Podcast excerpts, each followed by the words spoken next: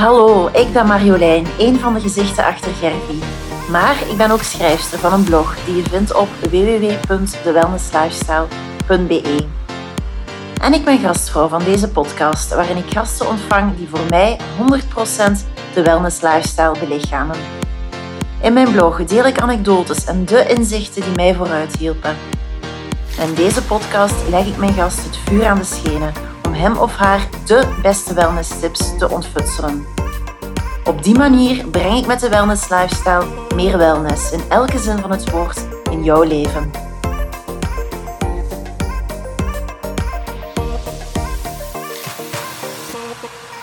Hallo allemaal, wij zijn gestart. Dit is de 22e aflevering al van mijn podcast De Wellness Lifestyle.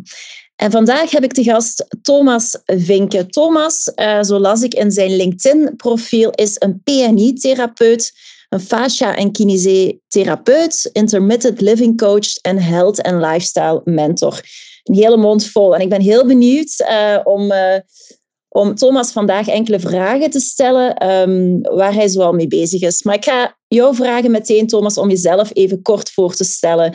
Wie is Thomas Vinke? Hi, ik ben dus Thomas inderdaad, Thomas Vinke. Um, ik ben ondertussen uh, 31 jaar jong. Ik um, ben altijd gedreven geweest door de sport. Ik heb vroeger ook op de sportschool gezeten. En nadien wist ik uh, dat ik mensen wou gaan helpen met hun gezondheid. En ben ik uh, kinesiotherapie gaan studeren en heb ik het geluk gehad dat ik die studie ook heb kunnen afronden. En toen, uh, als ik met mensen begon te werken um, en met mijn eigen gezondheidsproblemen, begon ik uh, te merken dat ik al uh, wel wat capaciteiten verworven had um, om die wat te kunnen helpen en op weg te brengen. Maar net als ik zelf, als mijn patiënten kwamen heel vaak terug met dezelfde klachten. Als ze stopten met hun oefeningetjes of in betere gewoontes um, vervielen terug, dan kwamen ook hun klachten terug. En dan ben ik zelf eigenlijk in de eerste plaats voor mezelf, met mijn, met mijn darmproblemen eigenlijk, um, verder de zoektocht ingegaan naar, naar de levensstijl. En ben ik um, een jaar of drie geleden op de PNI uitgekomen. Dat is de psychoneuroimmunologie. Dat is een, uh, een universitaire opleiding, uh, momenteel um, in Nederland en in Spanje erkend door de universiteiten. En dat is eigenlijk een, een levensstijlgeneeskunde wetenschap. En dat is voor mij, hoe dat ik dat zelf bekijk en probeer uit te leggen, is dat eigenlijk de rand van de wetenschap. Dus het, hetgene dat nieuw aangetoond wordt of nog maar beperkt in de wetenschap aan heeft, uh, aangetoond is, dat, dat, dat is beschreven in wetenschappelijke artikels. En hetgeen wat dat daar nog buiten ligt, dat noemen ze nog het, het onverklaarbare of het, uh, het zweverige, of hoe dat je het ook allemaal kan gaan benoemen, omdat ze dat nog niet in de wetenschap vorm hebben kunnen geven, of ze kunnen dat nog niet begrijpen. En dus mijn eigen proces is, is in, die, uh, in die volgorde verlopen. Um, en vanuit de PNI, uh, Intermittent Living, is ook een concept dat uh, Leo Pruimboom, de grondlegger van de PNI zelf, uh, helemaal ontwikkeld heeft.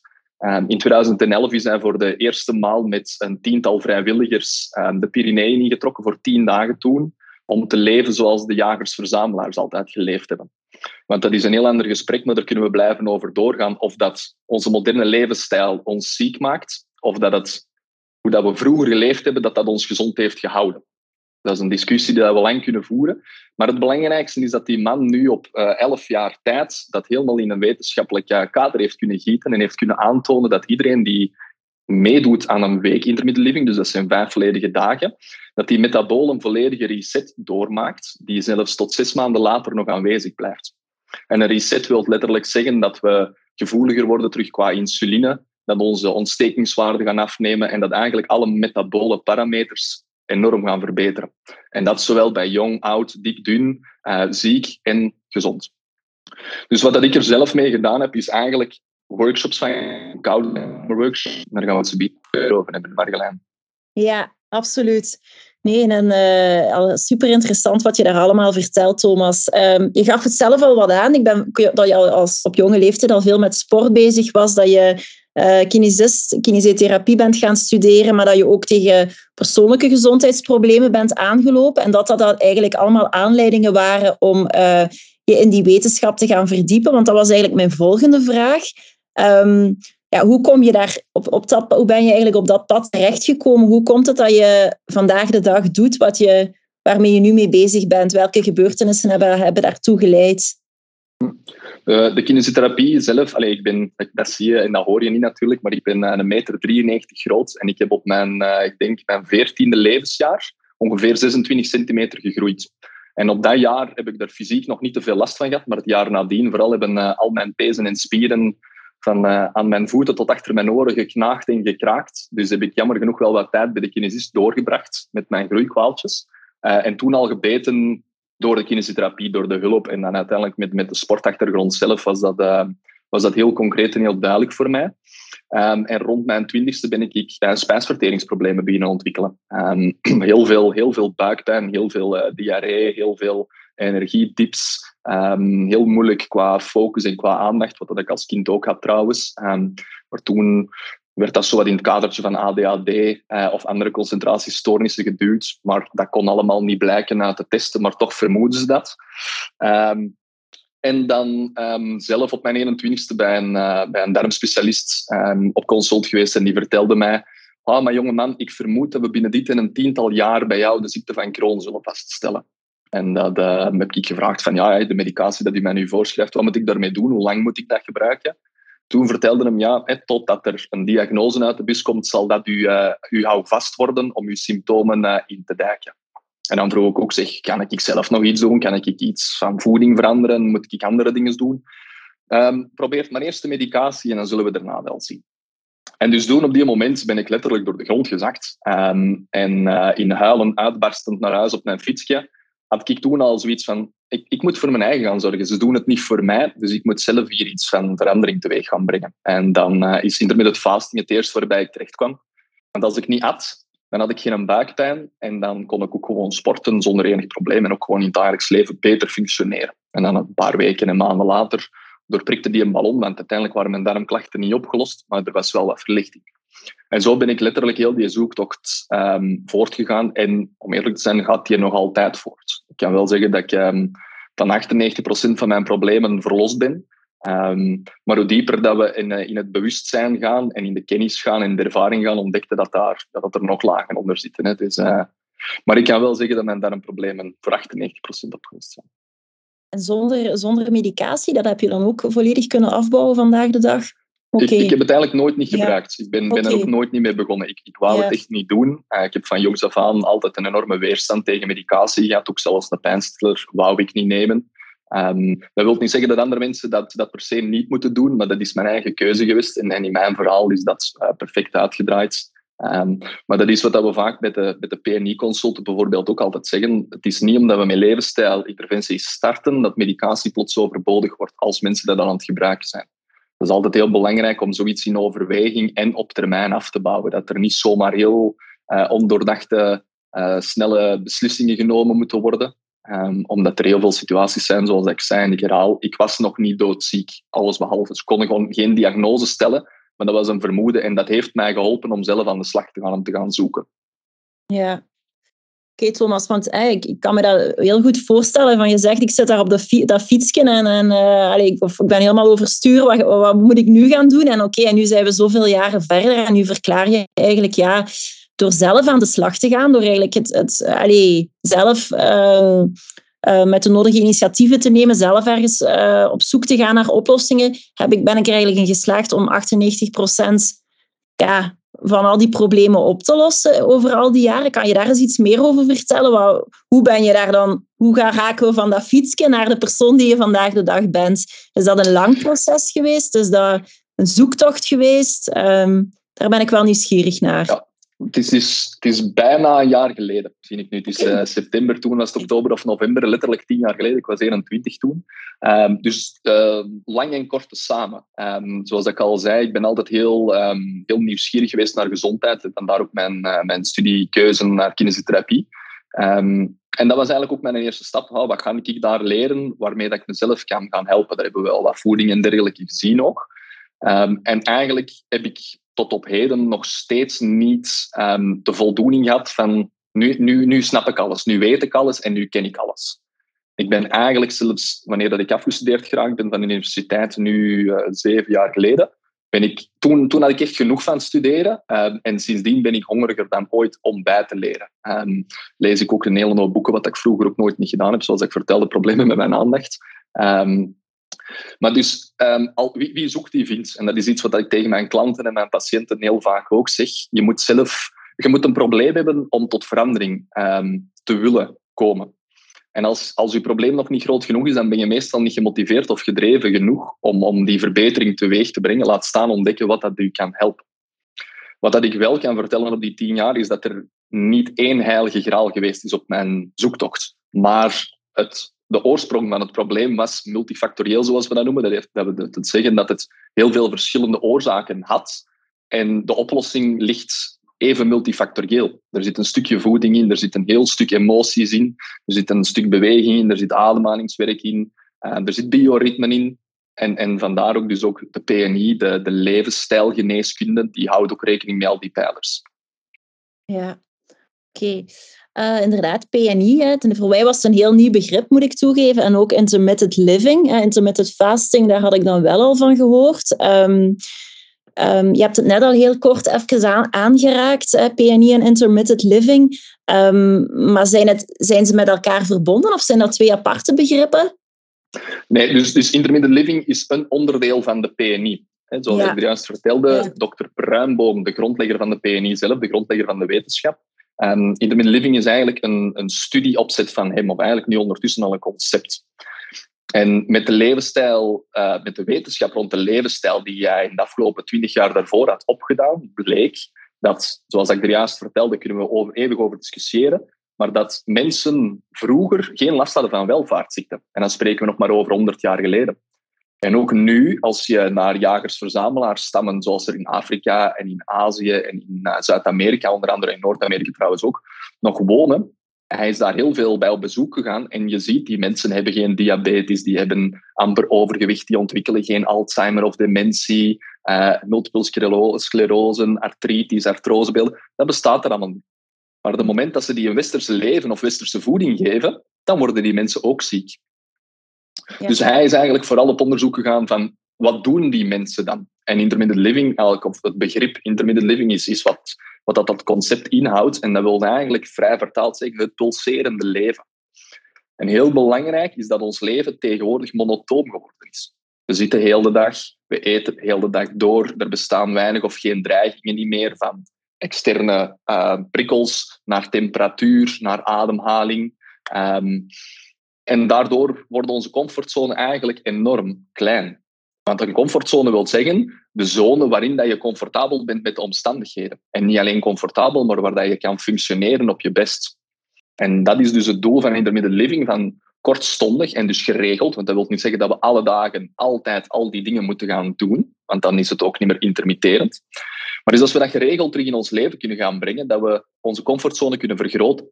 En dat wil zeggen, allez, ik was nu in augustus zelf op vakantie, maar het was hier heel warm. Heel veel mensen hebben heel veel last van de warmte. Kunnen niet goed nadenken, kunnen niet goed niet meer bewegen, omdat het letterlijk al veel te warm wordt. En dat heeft met thermoregulatie te maken. En als we niet goed kunnen koelen, dan is een warmte of aanhoudende warmte een bedreiging voor ons, voor ons zijn. En bij koude is juist hetzelfde. Als we lang of, of een tijd geen eten of geen drinken hebben, hebben heel veel mensen daar nu tegenwoordig al last van. En dat zijn dus de dingen die we in, bij intermittent living terugbrengen. En niet alleen apart, maar gecombineerd omdat Leo met zijn onderzoek gezien heeft dat als we drie of meer prikkels gaan toepassen, drie verschillende op hetzelfde moment, bijvoorbeeld honger, dorst en beweging, dus een nuchtere ochtendwandeling bijvoorbeeld, zonder dat je gegeten of gedronken hebt, dat je je brein gaat prikkelen om innovatief te worden in het zoeken van oplossingen. En innovatief wil zeggen dat het dus zodanig uitgedaagd wordt met drie of meer problemen tegelijk, dat het oplossingen gaat vinden om die problemen te samen op te lossen. En dus dat we met acute stress beter kunnen omgaan, de comfortzone vergroten, maar dus ook met de chronische stress in ons leven beter kunnen leren omgaan. Ja, dus um, het is eigenlijk een, een, soort positieve stress, die kortstondige positieve stress voor je lichaam die je creëert. Um, en je, je, je, spreekt dan over beter met stress kunnen omgaan, maar je bedoelt dan ook effectief een dagelijks leven, stress die je ervaart in je job, alle mogelijke stress waarvan je normaal gezien eh, zeg maar helemaal ondersteboven bent, daar ga je beter mee kunnen omgaan. Het is eigenlijk door, door puur door op nuchtere maag ochtends uh, een, een, stevige ochtendwandeling te maken. Zou je dat in principe al kunnen realiseren? Het is niet dat, dat, het, dat je echt dat je echt hele extreme dingen moet gaan doen. In, in principe, want je hoort vaak van in, eh, fasting, hè, zo, zoveel uren niet mogen eten en drinken. Maar dat is misschien niet direct echt noodzakelijk om, het, om, het zo ver, om er zo ver in te gaan om resultaten te krijgen. Alle kleine beetjes maken een verschil. Ja. Bijvoorbeeld met de workshop zelf, mhm. hè, dan vraag ik altijd, we, doen, we starten in de ochtend meestal om 9 uur. Um, dan vragen we eigenlijk op voorhand aan de deelnemers om tussen 8 en 10 uur de avond daarvoor te stoppen met eten en drinken. Dus dan tegen de start van de workshop zijn we ongeveer 12 uur nuchter. En dan gaan we eigenlijk de hele workshop een 2 à 3 uur gaan we alle activiteiten nuchter doen, zonder eten en zonder drinken. En heel veel mensen hebben op voorhand mentaal of emotioneel daar enorm veel last van en maken zich enorm veel zorgen. En zoals gisteren heb ik nog een koude workshop gegeven. Op het einde sluiten we altijd af. Zeg ik heel vaak van, als beloning mogen jullie nu eten en drinken. En heel vaak zeggen bijna alle mensen, ja, maar ik heb eigenlijk geen honger of dorst. En dat is puur omdat we andere echte noodzaken terug in het, in het leven brengen. Bijvoorbeeld gisteren was een koude workshop. Het moment dat je in zo'n koud bad zit, dan heb je geen honger of heb je geen dorst van 10, 15, 16 uur niet te eten en te drinken. Maar als je in je gewone leven zit en je staat op en je bent gewoon om een tas koffie te drinken en je bent gewoon van je drinkbus de hele dag mee te nemen en om acht uur te ontbijten, om tien uur een tien uurtje te eten en zo verder en zo voort, dan drink je vijftig maal op een dag en eet je zes, zeven keer per dag. En zoals ik er juist al vertelde, dat is wat dat ons ziek maakt. En dan gaan we nu nog niet in op wat dat we eten. Dat is nog een ander verhaal. Ja, oké. Ehm, en je zegt van, ehm, je, je, je, je gaat vinden, meer, meer creatiever worden in het vinden van oplossingen. Bedoel je dan ook effectief dat je Ehm, ja, echt creatiever wordt in alle mogelijke omstandigheden om dan oplossingen voor alle problemen waar je dag in dag uit tegenaan loopt. Want het gaat dan niet, niet alleen over voeding enzovoort, maar het gaat puur over je leven elke dag. Ja, ja. Het, het, is zelfs, zodanig, het is zelfs zo, zo ongelooflijk dat je er slimmer van wordt. Oké, Omdat we, ja, daar, daar doelde ik echt op van, uh, ja. ja. ja. Het, heel, heel simpel gezegd, elke cel in ons lichaam komt onder stress. Dus dat wil zeggen, als we niet eten, dan komen ons, al onze breincellen komen onder stress. Onze spijsvertering komt helemaal onder stress. Onze spieren, alle cellen in onze spieren, onze pezen, onze botten, ons, alles, elke cel in het lichaam komt onder die kortstondige stress. En dus als het daar af en toe aan aangeboden wordt, dan moeten al die cellen beter met energie leren omgaan. Die moeten terug vetten gaan leren verbranden in de plaats van alleen maar suiker. En die kunnen zelfs melkzuur of lactaat gaan leren verbranden als we dat genoeg terug aanbieden. En dus die hersenen ook, die worden efficiënter. Die leren terug andere bronnen van energie gebruiken in plaats van glucose of suiker. En die zijn veel efficiënter op die manier. En dus hersencellen gaan efficiënter worden. En bijvoorbeeld wat dat er ook gebeurt, dat is een stofje, dat, dat klinkt heel duur? Um, BDNF, en dat is Brain Derived Neurotropic Factor. Dat komt vrij als we honger hebben of als we niet eten, tussen aanhalingstekens. En wat doet dat uh, stofje? Dat zorgt ervoor dat we meer nieuwe connecties aanmaken in onze hersenen. Dus van niet te eten word je letterlijk al slimmer. En zoals ik er juist zei, als we dan nog meerdere combinaties op hetzelfde moment gaan toedienen, ja, dan is dat een enorme leermoment voor je lichaam elke keer opnieuw. Okay. Ongelooflijk interessant, Thomas. Er gaat een wereld voor mij open. Thomas, ik ben wel heel benieuwd, uh, heel concreet, want je hebt nu heel veel verteld, maar hoe integreer jij al die principes uh, in, jou, in jouw persoonlijk leven? Hoe ziet dat eruit? Naar routines, naar, kan je daar, naar gewoontes, uh, jouw dagdagelijks leven, kan je daar iets over kwijt? Hoe moet ik me dat concreet voorstellen? Uh, mijn dag begint eigenlijk s'avonds, de avond op voorhand, mee op tijd te gaan slapen. Met blauw licht te vermijden um, en um, andere rustige activiteiten te doen, zodat we aan onze slaap kunnen gaan werken, niet te laat eten en dergelijke. Maar dus dat, daar start voor mij de nieuwe dag telkens al opnieuw. Um, mijn dag zelf die start elke dag om zes uur. Uh, sta ik op, doe ik eerst mijn meditatie. Um, nadien is het meestal 10, 15 minuutjes ademhalingswerk. Um, of wat beweging. Dat hangt er een beetje vanaf waar dat ik in de periode van het jaar zit, want ik durf daar regelmatig wel iets aan veranderen. En voor de rest zijn dat dingen die bij mij in sportactiviteiten heel vaak gecombineerd worden. Ik, ik vast regelmatig. Ik, ik, eet eigenlijk één à twee maal per dag. Uh, de meeste dagen van de week, omdat ik mij daar het beste bij voel. Um, en voor de rest uh, sport ik vaak in de ochtend, dus is dat vaak ook nuchter. En, met de workshops doe ik eigenlijk al zelf mee ook. Dat vind ik altijd een cadeau voor mezelf, want ik, ik doe zoveel mogelijk mee, wat dat mogelijk is ook. Waardoor ik mijn prikkels ook uh, accumuleer op die momenten.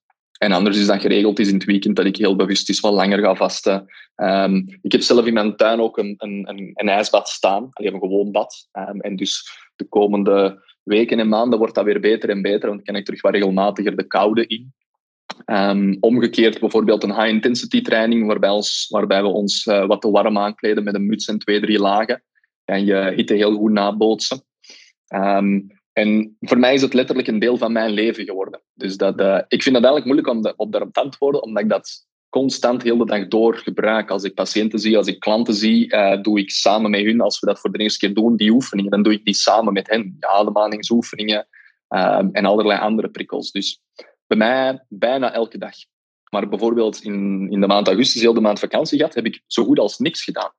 Om ook weer dat intermitterende te hebben. Oké.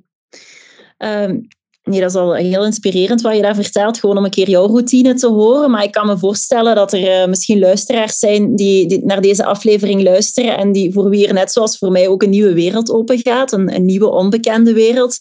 Um, en stel je wilt, je wilt hiermee beginnen, dit spreekt jou ergens aan. Wat zou dan een, een, een allereerste kleine stap kunnen, kunnen zijn die je kan zetten nog voor je effectief een workshop of een consultatie bij jou zou gaan boeken? Wat, wat kan je zelf al, al doen als dit je ergens aanspreekt? Het belangrijkste, en dat zeg ik ook altijd, en dat heeft met mijn patiënten en klanten ook te maken, wat dat je doet, is iets wat dat u moet aanspreken.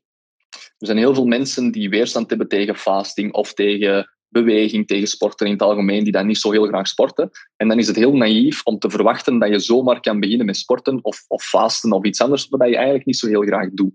Dus het belangrijkste vind ik zelf is dat je gaat starten met iets wat dat u aanspreekt. Je kan met een meditatie starten, je kan eens met een ademhalingsoefening beginnen, zoals het er heel veel mensen geïnspireerd geweest zijn door Wim Hof bijvoorbeeld.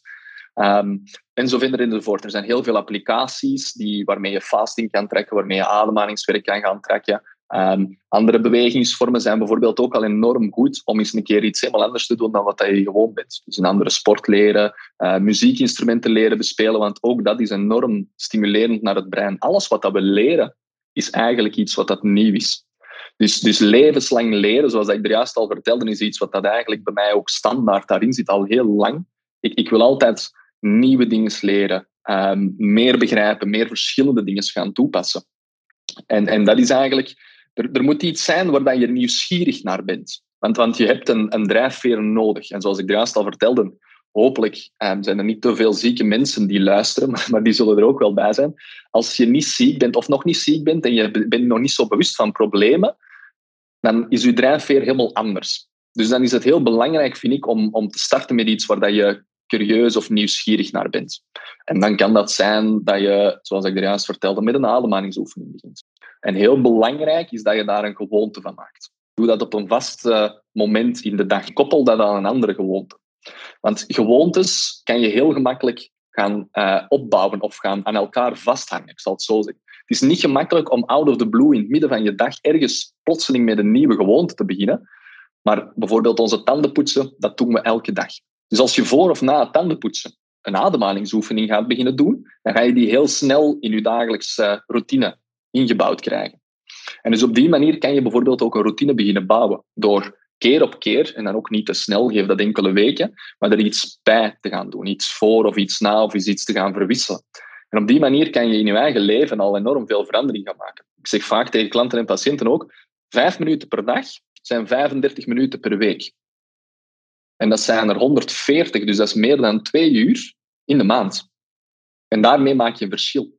Als je één keer per, per maand een uur gaat sporten, of twee uur gaat sporten zelfs, daar maak je geen verschil mee. Maar met vijf minuten per dag maak je een enorm groot verschil voor jezelf. Ja, oké. Thomas, van som met, jou naar, met naar jou te luisteren, stel ik me inderdaad de vraag. Um, wie, zijn, wie, is zowel, wie zijn zowel jouw patiënten of klanten? Zijn dat, zijn dat effectief mensen die echt tegen een dringend gezondheidsprobleem aanlopen? Of zijn dat meer mensen die ergens geprikkeld een bepaalde interesse in heel deze nieuwe wetenschap? Is het meer een, een preventieve uh, manier van werken? Of ga jij meestal echt aan de slag met concrete problemen? Um, beide. Okay. het is, okay. de, de, de, PNI en intermittent living mm. is um, preventief, protectief en curatief. Dus dat wil zeggen, we kunnen dat gebruiken om problemen te voorkomen. We kunnen bijvoorbeeld ademhalingsoefeningen gaan inzetten voor een operatie. We kunnen fasting gaan inzetten voor een operatie of voor een ingreep, of om te voorkomen dat je ziek wordt. Tijdens dat er een probleem aan de hand is, kunnen we dat gebruiken als bescherming, om een beschermingsmechanisme te gaan installeren. Of ook weer, dat weet iedereen, als je doodziek bent, als je griep hebt bijvoorbeeld, dan wil je niet eten. En waarom wil je dat niet eten? Omdat onze hersenen heel goed weten dat in alle, alle soorten voeding zitten bacteriën en kunnen virussen en andere pathogenen zitten. Dus als je al aan het vechten bent met iets, dan, dan moeten we er alle geluk niet over nadenken, maar dan weren we voeding al af. Dus we beschermen ons eigenlijk gaan we vasten als we ziek zijn, vanzelf. Mm Dus, en wat kunnen we nog doen? We kunnen uh, curatief gaan werken, dus dat wil zeggen genezend. Um, ik heb zelf een kinesistenpraktijk, die heet de Kinesisten met twee vernoten. En ondertussen zijn wij al met zevenen. Dat is bij ons in, in Antwerpen in Merksen.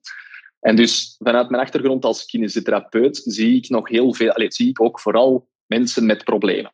Uh, dat kunnen knieklachten zijn die al jaren aanhouden, lage rugklachten, uh, mensen na operaties die niet goed genezen. Um, of zoals we juist al aangehaald hebben, de, de, de welvaartsziekten. Parkinson, MS, dementie, um, artritis, artrose en alle andere ziektebeelden. Maar zoals ik mezelf mijn eigen verhaal verteld heb, mensen beginnen alle geluk meer en meer te beseffen dat ondanks ze nog geen diagnose krijgen van hun dokter, dat ze wel iets kunnen gaan doen voordat ze een bepaalde diagnose krijgen. Want dat is een bepaald moment dat ze met een test iets kunnen aanwijzen van ah, meneer of mevrouw, u hebt die ziekte. En tot op dat punt ben je ook al ziek, maar kunnen ze het nog niet vertellen wat dat je hebt.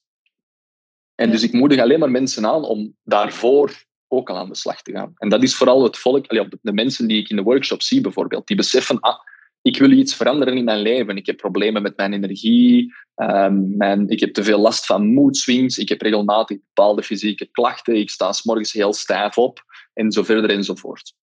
Ja, oké.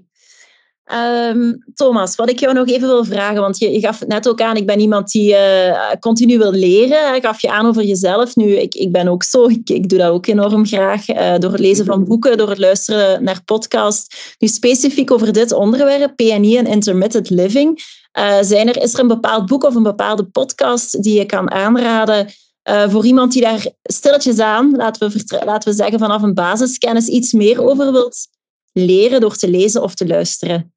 Ja, um, Thomas Davé, uh, een van de grondleggers van KPNI Belgium, dus van het Belgisch Instituut, zelf ook osteopaat in de profwereld van voetbal gezeten altijd, heeft, um, ik denk twee jaar geleden, uh, Hoe word je een oersterke voetballer geschreven. En dat is eigenlijk een metafoor dat ze gebruikt hebben, want dat is niet alleen over voetballers, maar dat is vooral naar eigenlijk allerlei sporters um, en eigenlijk de algemene bevolking gericht. Um, waar dat eigenlijk heel veel van de dingen die ik nu vandaag al besproken heb, uh, kort in toegelicht staan. En ook heel praktisch uitgelegd worden, zodat je er bijvoorbeeld zelf mee aan de slag kan. Als je wat meer interesse hebt in, in echte literatuur daaromtrent, Leo Pruimboom heeft zelf ook een boek geschreven, Word weer mens. Um, en dat is bijvoorbeeld een kookboek. Ook. Daar staan uh, ongelooflijk gezonde uh, en gezondmakende recepten in, bijvoorbeeld. Er staat een stuk theorie in ook, heel veel referenties van wetenschappelijke artikels. Um, en als je er zelf mee aan de slag kan, het, het Belgische instituut KPNI Belgium, uh, kan je googlen, staat op Instagram, op LinkedIn ook heel actief. Kan je uh, eventueel, als je dat wil, met een inleiding starten tot de KPNI. Uh, eh, ortomoleculaire therapie wordt daar ook gegeven. Voor heel veel mensen de opstap naar de klinische psychoneuroimmunologie. En dan de opleiding zelf en ook de intermittent weken worden daar allemaal gegeven. Ja, oké. Okay. Dankjewel. Thomas, we gaan, ik stel voor dat we nu in uh, dit stukje, het tweede stukje van de podcast even dieper inzoomen op één wel bepaalde prikkel, uh, namelijk de hitte. Dat is ook een onderdeel van intermittent living. Hè? Dat, is inter, uh, dat is hittetraining. Um, en op zondag 13 november gaan wij in ons filiaal in Leuven, bij Gervi Leuven, gaan we samen met jou een workshop hittetraining organiseren. Die staat op de agenda. Um, maar wat is hittetraining? Kan je daar eens iets meer over vertellen? Yes. Um, het is eigenlijk iets ruimer dan hittetraining, want hitte is, of warmte is, is één van de prikkels die we gaan gebruiken. En zoals we er juist al gesproken gezegd hebben, we gaan combinaties maken van die prikkels. Dus op een warme dag, op een warme uh, intermittent living dag, gaan we hitte toepassen door middel van een sauna bijvoorbeeld, wat we met de workshop gaan gebruiken. Hoe kan je dat zelf ook doen? Door overdressing toe te passen, door twee, drie kledinglagen aan te doen, eventueel een muts en handschoenen. En in dit weer buiten gaan wandelen met drie lagen is echt een hittetraining. Ehm, wat gaan we nog toepassen? Bijvoorbeeld hypercapnie, is een ademhalingsoefening waarbij we de CO2 gaan verhogen. En de derde uh, prikkel naar, uh, dat we bij die workshop toepassen is eigenlijk high-intensity beweging, high-intensity intervaltraining. Uh, wat gaan we daarmee doen? We gaan heel veel melkzuur of lactaat produceren. En dus op die manier hebben we drie prikkels die eigenlijk ons, onze cellen tot verzuring gaan brengen. En dat is eigenlijk het gezondmakende effect op het hele systeem dat we gaan um, ontplooien die dag en waar we ons lichaam gaan aan blootstellen. Dus de bedoeling is om zowel met temperatuur als met beweging als met ademhaling ons systeem te gaan verzuren. En verzuren wil letterlijk zeggen dat de pH van ons bloed een klein beetje gaat afnemen, inderdaad. Want verzuren, allee, ik moet eerlijk toegeven dat ik, ik associeer met het woord verzuring, uh, associeer ik niet met meteen gezondheid, want meestal willen mensen hun lichaam toch ontzuren. Of mis ik hier iets in het verhaal? Nee. Wat, wat, wat, denk je, Marjolein, dat ons lichaam gaat doen als we het gaan actief verzuren? Uh, dan, ik vermoed dat het dan in, in actie gaat treden om terug te ontzuren. Ja. Voilà. Oké, okay, dus dat is, dat is het doel eigenlijk. Je gaat het bewust actief verzuren, zodat het dan zelf op een natuurlijke manier terug gaat ontzuren. Oké. Okay. En, ja. en, belangrijk, dat het meer zuur kan leren tolereren. En dat is een voorbeeld vanuit de sport. Kennen heel veel mensen dat wel, die, zeker die dat, dat zelf gedaan hebben. De hele korte, eh, explosieve um, sporten, zoals bijvoorbeeld, en dan spreek ik niet direct over ja, de 100 meter spurt ook al, maar vooral bijvoorbeeld de 400 meter. Dat zijn atleten die enorm hoog in verzuring kunnen gaan. En dat wil zeggen dat die hun spieren kunnen blijven functioneren, ondanks dat er heel veel melkzuur in zit. En zoals ik er juist al verklapte, als we dat regelmatig toepassen in een nuchtere status, dan kunnen onze hersenen en ook onze spieren melkzuur als energiebron gaan gebruiken, bijvoorbeeld terug. Dat is wat dat vroeger altijd zo geweest is. Maar dus letterlijk, we hebben één tolerantieniveau, zoals ik er juist vertelde, we gaan onze comfortzone vergroten. In onze spieren meer verzuring leren tolereren. In onze bloedbaan, door onze, via onze ademhaling de CO2 te verhogen. In onze hersenen ook meer CO2 te gaan leren tolereren. En in warmte beter te kunnen leren koelen. Dus te zweten letterlijk. En dus ook weer, zoals er juist gezegd, we gaan het ook nuchter doen, zonder eten, zonder drinken. En dan als je goed meegeteld hebt, hebben we vijf prikkels te samen. En wat ik heel vaak doe, zoals ik het nu juist bij jou ook even deed, is het brein ook triggeren. Nog wat extra. Mensen zelf tot nadenken zetten in de plaats van altijd alle antwoorden te geven. Dat zorgt ervoor dat we nog hersenstress of brainstress krijgen ook en dat we eigenlijk zes prikkels tegelijkertijd gaan combineren. Ja, en um, dat ontsturen, dat stukje wat er dan na, nadien moet komen, moeten we daar actief ook iets voor doen? Of is dat iets dat, dat ons lichaam op een natuurlijke wijze kan of doet? Ja. Of, ja. Ons, ons, lichaam, ons, lichaam kan eigenlijk alles zelf. Het, okay. het, is jammer genoeg de realiteit, zoals ik juist vertelde, als we monotoon beginnen te leven. Ik, ik zeg altijd, of ik geef altijd het voorbeeld, als je naar een, een hartspecialist of een cardioloog gaat en hij neemt een echografie van je hart en je ziet een platte lijn dan denk ik dat hij heel angstig naar jou gaat kijken, want dan gaat hij vragen ja. dat je dood bent. voilà. En als die ziet dat die lijn mooi over en weer gaat, als die pulseert, hè, dan, is dat, dan is dat goed juist. En dus uiteindelijk, het monotone leven maakt ons letterlijk ziek. En we verliezen enorm veel capaciteiten in ons lichaam, omdat we geen noodzaak meer hebben. En honger, dorst, koude, warmte, nuchter bewegen, ademhaling, dat zijn allemaal noodzaken. Want ons lichaam doet altijd alles om de balans terug te herstellen, de homeostase. Dus als we het gaan verzuren, gaat het ontzuren. Als we het minder zuur gaan maken, want dat doen we bijvoorbeeld met een koude workshop, dan gaan we ijsbaden, dan gaan we een hypoxische ademhalingsoefening toepassen en gaan we een lange wandeling doen, in het park bijvoorbeeld. En dan gaan we ontzuren. Dus kan ons lichaam terug lichtjes met meer verzuring gaan verdragen, zelfs zonder problemen. En ook in die omstandigheden perfect blijven functioneren. Ja, oké. Thomas, uh, hittetraining, dus dat is een combinatie van uh, verschillende prikkels, geef je aan. Um, voor, wie, voor wie kan er zo meedoen aan zo'n hitteworkshop? Is dat voor iedereen mogelijk of zijn er bepaalde regels of beperkingen waar je rekening mee moet houden? In principe, elk mens zou horen mee te doen. Mhm, oké. Okay. um, waar, waar, moeten we altijd rekening mee houden? We, zitten met een, we doen dat in groep uiteindelijk. Hè, dus um, we, we, houden eigenlijk, we vragen eigenlijk altijd aan mensen die wel fysiek belastbaar zijn. Het zou bijvoorbeeld kunnen ook weer, het is een gezondheidsconcept, dus we zouden heel specifiek naar bepaalde ziektebeelden een workshop specifiek kunnen organiseren, maar zoals degene dat we nu organiseren, is het voor een, een doorsnee publiek. Dus belangrijk dat je ehm, vlot kan bewegen. Ehm, en voor de rest kunnen we in de workshop zelf ook nog van alles aanpassen. Het belangrijkste van de workshop is eigenlijk dat we grenzen gaan verleggen. Niet extreem, maar op een heel zachte manier, doordat we al die prikkels gaan combineren. Ja, dus het is niet, je hoeft zeker geen topsporter te zijn, of ook qua leeftijd, uh, ook al ben je wat ouder of wat jonger, allemaal geen probleem. Nee, met de, met de koude workshop is de oudste deelnemer dat ik al gehad heb 73, met de warme 64. En die mensen hebben dat niet alleen overleefd, maar zijn er beter van geworden. Okay. Je geeft het al aan, beter van geworden. Kan je daar eens iets meer over vertellen? Um, een hitte-workshop of een hitte-training, wat zijn de voordelen daarvan als je, dat, als je dat één keer of als je dat regelmatig doet? Ja. Dus belangrijk om te weten, zoals ik er juist al zei, het is iets met de workshops dat we de mensen van laten proeven en aanleren. Dus het is niet, ik heb er juist ook verteld, er zijn geen heilige gralen, in mijn ogen toch niet. Dus één workshop um, maakt niet dat je ineens een veel gezonder persoon bent. Maar je gaat wel voelen, één, dat je veel meer kan dan dat je zelf denkt. We hebben een hele hoop angsten die ons altijd tegenhouden, of geloofsovertuigingen die ons beperken in ons doen en in ons functioneren. Dus dat zijn dingen waar we mee aan de slag gaan. Um, en zoals ik zei met de hitteworkshop, we gaan aan verzuring werken. Dus de spieren gaan met verzuring leren omgaan. En wat is verzuring? Dat is voor heel veel mensen een beperking. we weten allemaal wel het einde van uh, heel typisch uh, groepsporten, zoals hockey en voetbal en basket, dat het spelers met krampen beginnen te sukkelen of in de verlengingen. En dat is heel vaak een verzuring die dat te hoog oploopt. En dat het brein letterlijk gaat zeggen, spier, jij mag niet meer samentrekken. Dus dat wil nog niet zeggen dat het de hamstring of die bepaalde spier is die niet meer met het zuur kan omgaan, maar de hersenen, die altijd in charge zijn, zoals we zeggen, altijd de beslissingen nemen, die wegen risico's af. En als het risico te groot wordt, dan wordt er aan de handrem getrokken. En dat kan een spierverkramping zijn, bijvoorbeeld. Dat kan, in hitte kan dat flauwvallen zijn ook, als we uitgedroogd geraken. Worst case. Oké.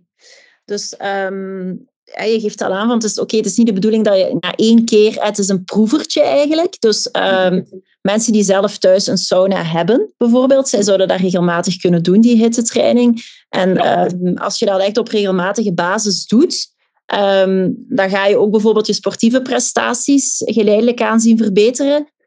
Klopt. En, ja. en, en, niet, alleen, niet alleen je sportieve, want heel vaak, en dat vind ik ook belangrijk om te benadrukken, zoals ik er juist ook zei, ons brein neemt altijd alle beslissingen vorige maand, in de maand augustus, met die warmte, als je geen airconditioning hebt, dan moet je ook je business nog kunnen runnen, moet je nog voor je kinderen kunnen zorgen, moet je dagelijks leven ook nog kunnen leiden. En als je last hebt van die warmte, dan heb je problemen met het nemen van beslissingen. Dus om te beginnen wordt ons dagelijks leven gemakkelijker, want we krijgen meer energie. Als ik aan jou vraag, Marjolein, hoeveel beslissingen per dag moet jij nemen? Gemiddeld. On, on, ontelbaar. veel. Het, het, zijn er heel veel, duizenden. Ja. Alle geluk heel veel onbewust, want we hebben heel veel routines. We kunnen nog in het midden laten of dat, dat positief of negatief is, maar dat is weer een ander gesprek. Maar je moet heel veel beslissingen nemen. En dus in warme dagen heb jij, kan je last hebben van warmte. En dan spreken we nog niet over sportprestaties, want die kan je ook enorm gaan verbeteren. Maar voor mij het belangrijkste doel is misschien wel dat iedereen zijn dagelijks leven terug gemakkelijker wordt. Want ik, ik zie jammer genoeg heel veel mensen die in het dagelijks leven struggelen. Die dat daar al problemen mee hebben. En dan willen ze nog gaan sporten en willen ze nog andere doelen fysiek gaan stellen. En maken ze het zichzelf eigenlijk gewoon nog moeilijker. Door nog meer te gaan vragen van dat lichaam. Ja, oké. Thomas, nog één klein afsluitend vraagje voor de mensen die nog een beetje zouden aarzelen of ze uh, toch niet zouden meedoen aan de hitteworkshops. Zijn daar uh, bepaalde risico's aan verbonden? Of zeg je nee, dat is 100% veilig, don't worry? Of zijn er toch bepaalde dingen waar we rekening mee moeten houden? Het enigste risico is dat je gebeten kan geraken.